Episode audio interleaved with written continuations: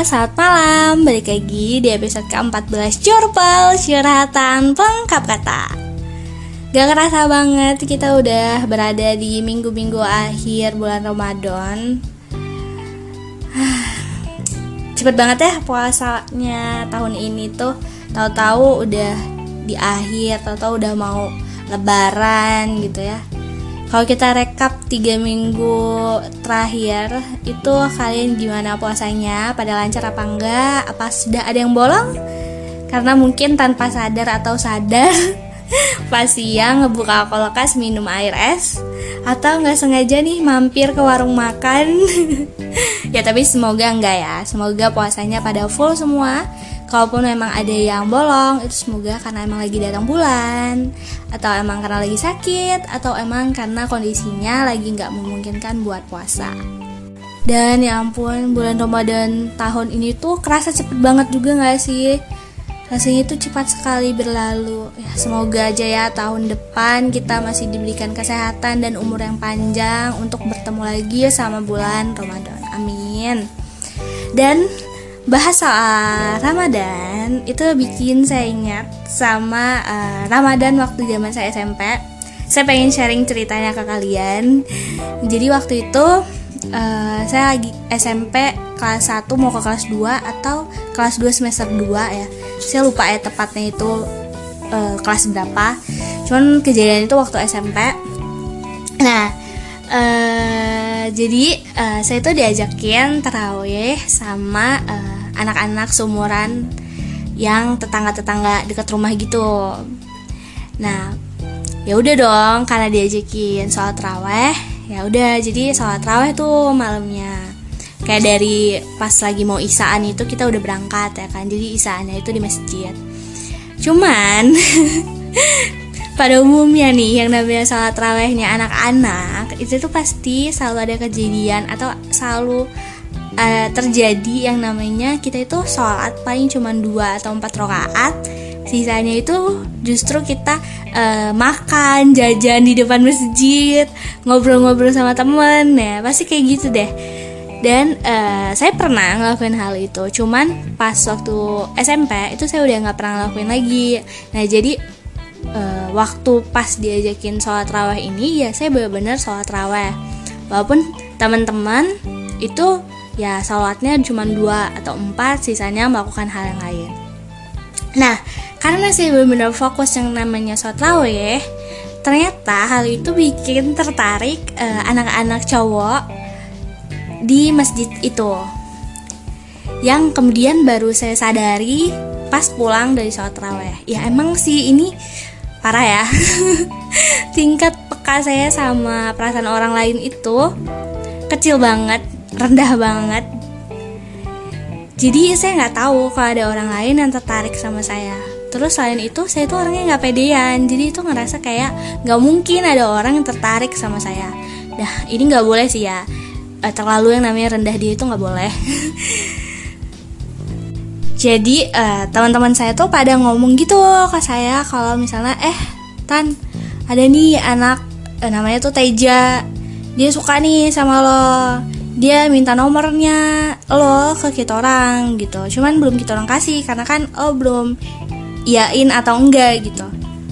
Pas denger itu saya kayak hah? Ah bukan kali. Mungkin itu mintanya main-main kayak apa ya kayak Daniel gitu loh kayak berasa nggak nggak nggak mungkin ada orang minta nomor telepon gue gitu. Jadi kayak menganggap hal itu bukan hal yang serius gitu. Sampai dua apa tiga hari kemudian itu saya ngerasa berada dalam momen terkocak, teralay, tergeli banget. Di mana saya pulang dari masjid terawih itu Tiba-tiba ada segerombol anak cowok 5 atau 6 cowok gitu ya Anak-anak sepantaran seumuran Yang ngejegat saya pulang dari sholat raweh. Jadi kaget dong kayak takut banget loh ini kenapa nih? Cuman karena ngerasa nggak ada salah ya udah dong kayak santai aja jalan aja gitu ngelewatin mereka. Eh tahu-tahu salah satu dari lima atau enam orang itu maju gitu ngedeketin saya sambil bilang eh hai gue Teja nih gue suka sama lo gue bagi nomor lo dong.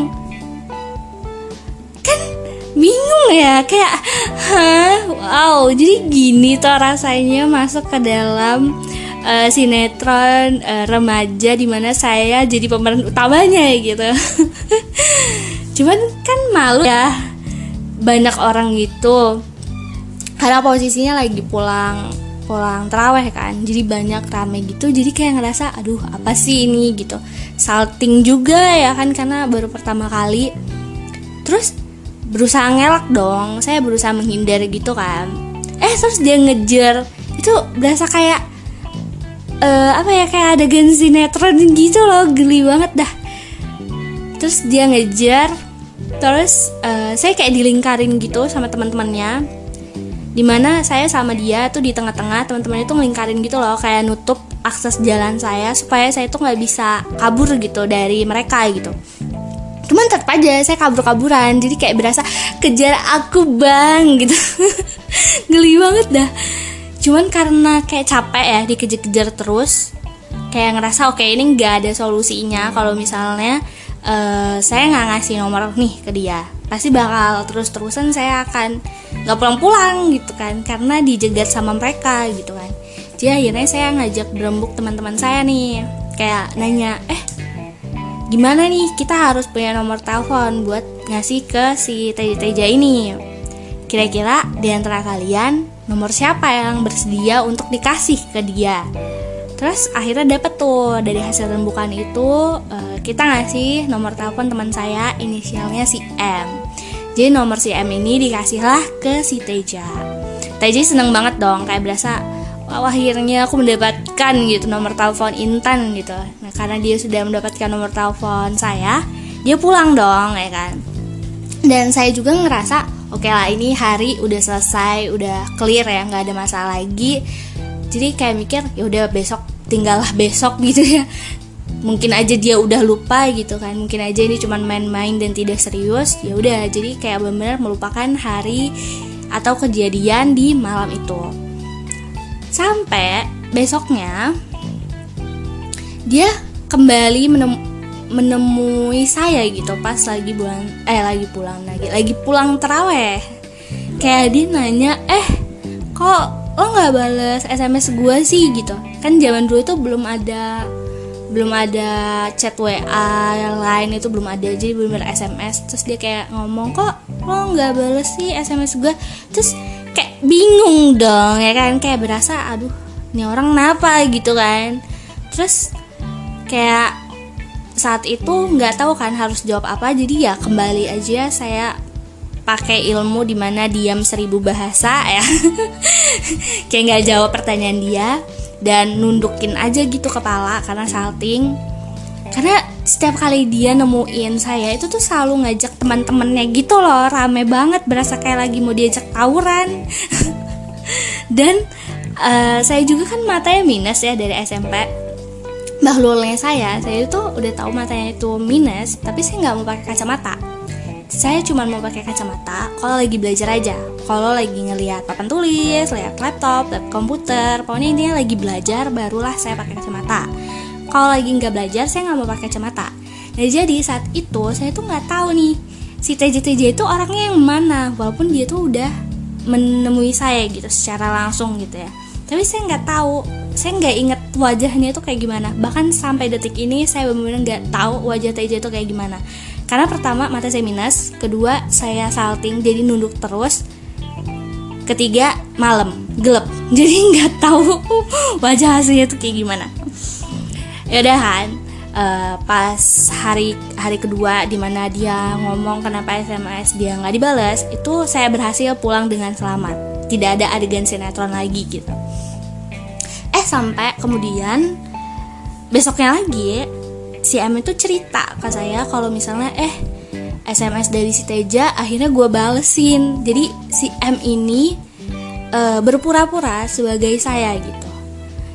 Berpura-pura sebagai saya. Dia ngebalesin SMS-nya si Teja. Tapi ya emang si M ini ada baiknya adalah dia ngaku ke saya kalau dia ngebales SMS itu. Terus saya kayak bilang kan udah gak usah diterusin gak usah dibalesin lagi gitu cuman kata M balas sih satu SMS ini ada. Ya udah jadi saya balesin tuh satu. Bener-bener ada SMS jadi zaman dulu itu ada SMS di mana kayak ditanya eh ditanya hobi makanan favorit film favorit pokoknya gitu gitulah ada ada SMS yang kayak gitu. Dari dia dan SMS kayak gitu tuh pada zaman itu tuh lumrah banget. Selalu ada gitu SMS kayak gitu e, kita kirim ke teman kirim ke orang yang kita suka gitu gitulah. Jadi kalau misalnya kalian berada di zaman yang sama dengan saya gitu pasti kalian relate. Nah yaudah kan karena si M tuh kayak tolong sih balas yang SMS ini. Ya udah dong jadinya saya balas. Jadi dari sekian SMS itu cuma satu SMS yang saya balas yang benar-benar saya gitu yang balas bukan si M. Ya SMS yang itu yang nanya-nanyain hobi dan lain-lain terus udah setelah itu saya tuh kayak ngomong kan ke M udah ya abis ini stop gak usah dilanjutin lagi Walaupun SMS antara si M dan si Teja ini dalam batasan normal, gak ada hal yang aneh-aneh, cuman kayak saya mutusin untuk udah ya berhenti, gak usah ngaku-ngaku sebagai gue lagi gitu. Saya tegaskan itu ke si M. Cuman salahnya adalah saya tuh nggak tegas dan tidak ngomong langsung ke Teja ini kalau sorry Teja nomor telepon yang waktu itu gue kasih itu bukan nomor gue tapi nomor teman gue. Nah sayangnya saya tidak melakukan hal itu kata Eja jadi mungkin hal itu adalah hal yang salah. Benar-benar salah sih harusnya harusnya saya lakukan gitu. Karena akhirnya berdampak sangat panjang. Di mana seiring waktu gitu ya kita sholat raweh sholat raweh sholat raweh pulang gitu gitu si M ini teman saya yang si M ini kayak ngomong eh sorry Tan gue udah ngeiyain ajakan pacarannya si Teja. Kaget banget dong kayak Hah? maksudnya gimana nih? Maksudnya gimana nih? Iya jadi ternyata si Teja itu nembak saya atau bisa dibilang nembak lewat SMS itu. Nah si M ini ngebales iya gitu kan bingung banget ya kenapa dia bilang iya enak banget gitu. Nggak ngomong ke saya dulu kayak nggak koordinasi apakah saya beneran mau atau tidak gitu. Kan jadi kayak hah kok kayak gitu? Gitu kan. Terus kayak marah gitu kan sempet saya kayak marah terus kayak ngomong ke M udah ya putusin. Karena ini masalahnya yang jawab itu lo M bukan gue gitu. Kalaupun pacaran itu lo bukan gue gitu kan. Kayak ngomong ke si ini terus yang M ini ngomong oke okay, okay, iya nanti uh, gue SMS gue putusin si Teja ini. Dan kesalahan keduanya adalah saya tidak bilang tidak menegaskan ke Teja bahwa sorry Teja yang lo pacarin bukan gue tapi si M. Sayangnya uh, tidak saya lakukan hal itu sampai akhirnya berbuntut panjang. Sinetron banget ya Allah. Jadi karena si Teja ini ngerasa uh, saya mengiyakan ajakan pacaran dia jadi si Teja ini selalu setiap kali saya pulang dari terawih itu nungguin. Bener-bener nungguin bareng sama teman-temannya yang rame itu. Jadi kayak berasa diajak tawuran gengs. Kayak bener-bener ya karena masih zaman SMP juga ya. Masih zaman zaman uh, eh, labil emosi masih naik turun gitu. Jadi bener-bener salting salting geli gimana gitulah waktu itu. Jadi kayak ih kalau diinget-inget astagfirullah harusnya anda tidak melakukan itu intan gitu. Kayak gitu lah ya salting-salting gitu. Padahal kalau dipikir lagi ngapain gue salting gitu. Padahal kan nggak pacaran. Bahkan saya nggak tahu wajahnya si Teja ini gimana bisa saya suka gitu. Gimana bisa salting cuman ya nggak tahu juga ya kenapa hal itu bisa terjadi ke saya waktu itu. Terus um, kan saya udah bilang tau ke M untuk udah putusin aja si Teja itu. Ternyata emang beneran si M itu mutusin gitu Teja lewat SMS cuman Teja ini nggak mau diputusin.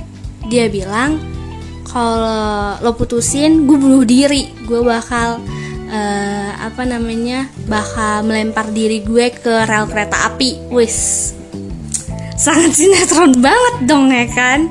Si M itu dapat SMS itu kayak dia ngadu ke saya datang ke rumah kayak ngomong eh gimana ini? Si Teja nggak mau diputusin gitu.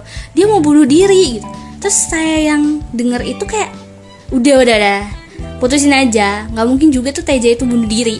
Karena kenapa? Karena pertama alasan Teja suka sama saya itu terlalu dasar banget ya.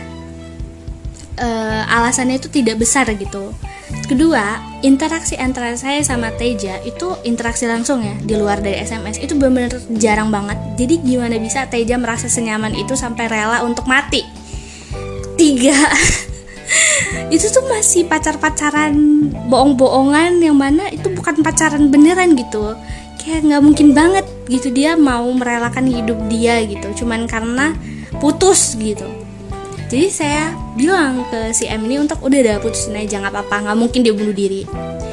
Nah mungkin kalian yang saat ini dengar pasti bakal bilang gila kejem banget Intan. Sorry sorry. Nggak bukannya kejam bukannya berhati dingin Cuman karena logika aja gitu. Ngerasa kayak nggak mungkin nih orang bunuh diri gitu. Bukannya pelein perasaan orang bukannya pelein mental, illness orang gitu cuman kayak ngerasa waktu itu kayaknya belum ada tuh yang gitu-gitu. Yang kalau uh, apa namanya sedikit-sedikit mau bunuh diri apalagi cuman karena pacaran. Apalagi waktu SMP pacaran monyet kayaknya terlalu jauh untuk anak ini untuk benar-benar mau bunuh diri. Jadi makanya saya bilang udah putusin aja gitu. Terus si M itu oke okay, mengiyakan. Oke okay, gitu kan. Nah saya pikir ya udah kan semua selesai. Tidak ada urusan lagi dong antara saya sama Teja atau saya sama si M saya mikir semuanya ya udah selesai aja gitu.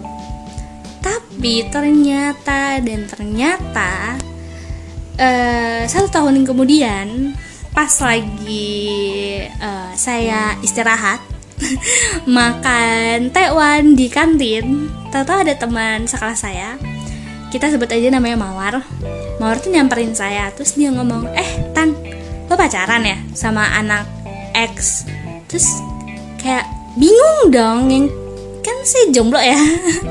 Bingung banget tahu-tahu datang-datang temen nanya lo pacaran? Terus ya jelas aja dong saya jawab enggak gue jomblo kenapa dah? Si Mawarni cerita kalau misalnya dia ketemu sama temen dia yang beda sekolah dan ketemu dan temennya ini punya teman namanya tuh Teja. Teja itu bilang kalau misalnya eh Mawar lo dari SMP ini kan lo kenal nggak sama Intan gitu kan? Terus Mawar karena ngerasa kenal familiar sama nama Intan si Mawar bilang iya kenal. E, kenapa? gitu kan kata Mawar. Terus itu pacar gue udah setahun nih gue pacaran sama dia. Terus si Mawar nih kayak ngerasa eh, yakin lo pacaran sama Intan? Karena Mawar nih tahu loh kalau saya tuh nggak mungkin pacar pacaran gitu waktu zaman itu gitu zaman SMP terus e, karena Mawar ini merasa tidak yakin Mawar nih kayak nanya coba lihat fotonya gitu. Siapa tahu Intan yang lo maksud sama yang gue maksud itu beda. Terus si Teja itu ngasih lihat fotonya. Ternyata itu bener foto saya. Mawar kayak ngomong oh iya iya bener-bener. Ini ini ini Intan yang gue kenal. Dia teman sekelas gue kata Mawar. Jadi lo pacaran sama Intan. Udah setahun ya? Oh gitu-gitu. Terus kayak Mawar ini merasa ragu gitu. Makanya besoknya itu dia nyamperin saya. Dia nanya langsung ke saya apakah benar saya pacaran nih sama Teja dari sekolah X? Yaudah dong karena saya saya kaget ya dan saya ngerasa saya nggak pacaran saya jelasin dong ke si mawar ini tentang iya gue kenal sama yang namanya Teja tapi gue nggak pacaran sama dia akhirnya saya ceritain terus semuanya. Terus si M M ini kayaknya sama ini dia tuh pakai nama saya uh, sebagai kedok dia supaya dia bisa terus pacaran sama si Teja. Karena si Morni ngomong ah ini mah tan si M ini ngaku-ngaku jadi lo supaya dia bisa tetap pacaran sama si Teja terus kayak bingung banget ya sih? Gimana bisa orang pacaran sama setahun tanpa ketahuan kalau misalnya itu tuh bukan saya gitu? Apakah mereka selama setahun tidak pernah ketemu? Nggak tahu dah kayak gimana caranya si M ini menyembunyikan identitas asli dia gitu. Dan kasihan banget ya sih si Teja ini dibohongin selama kurang lebih setahun? Karena dia ngerasa ya dia pacaran sama saya gitu. Tapi ternyata enggak. Ternyata namanya doang. Dia pacaran sama namanya doang tapi uh, sama ketikan obrolan dan lain-lain. Dia pacaran sama si M sebenarnya bukan sama saya gitu. Jadi kan kayak ya ampun parah banget nih si M ya kan. Terus akhirnya saya jelasin dong kan terus jelasin lagi ke si Mawar ini. Akhirnya kata Mawar oke okay, nanti kalau gue ketemu sama si Teja akan gue jelaskan ke dia terus berapa hari kemudian si Mawar tuh ternyata ketemu lagi nih sama Teja dan dia udah jelasin ke Teja. Cuman kata Mawar si Teja itu nggak percaya. Kayak enggak gue tuh udah pacaran sama Intan setahun itu mungkin Intan gak mau ngaku kali karena dia nggak mau ngakuin gue. Pokoknya kayak Teja ini Daniel gitu kayak ngerasa nggak nggak gue setahun itu bener pacaran sama Intan gitu. Cuman kak si Mawar nih kayak kekeh ngomong enggak dia nyeritain sejelas-jelasnya cuman kayak nggak tahu dah. Si Teja tuh kayak kekeh nggak mau percaya sama kebenaran itu. Ya ampun Teja I'm sorry. Maafin gue gitu ya. Terus kayak kata Mawar ya udah deh serah lo gitu. Yang penting gue udah bilang aslinya tuh kayak gini. Terus Mawar cerita lagi dong ke saya. Terus saya bilang ya udahlah biarin aja kayak gimana. Yang penting kita udah ngasih tahu nih kalau si Teja itu sebenarnya nggak pacaran sama saya tapi pacaran sama si M yang ngaku-ngaku sebagai saya. Kayak aduh si M ini ternyata nggak mengikuti kata-kata saya di terakhir itu ya. Karena kan saya udah bilang untuk putusin aja ya kan. Ternyata sama sama dia tuh ternyata nggak diputusin. Dan yang jadi pertanyaan saya adalah itu gimana caranya mereka pacaran sama setahun coba? Nggak pernah ketemu kali ya? Atau kalau nelpon kayak gimana tuh? Mungkin dia nggak ciren sama suara saya kali. Aduh nggak jelas deh aneh banget. Kayak sinetron sinetron banget kan ceritanya dan uh, kenapa saya uh, yakin si M itu beneran mutusin? Karena si M tuh waktu itu ngomong oke okay, jadi saya mikir ya beneran diputusin. Terus uh, saya juga kan udah nggak pernah salat terawih lagi karena kan uh, waktu itu bulan puasa selesai kan. Terus nggak lama kemudian saya juga pindah rumah.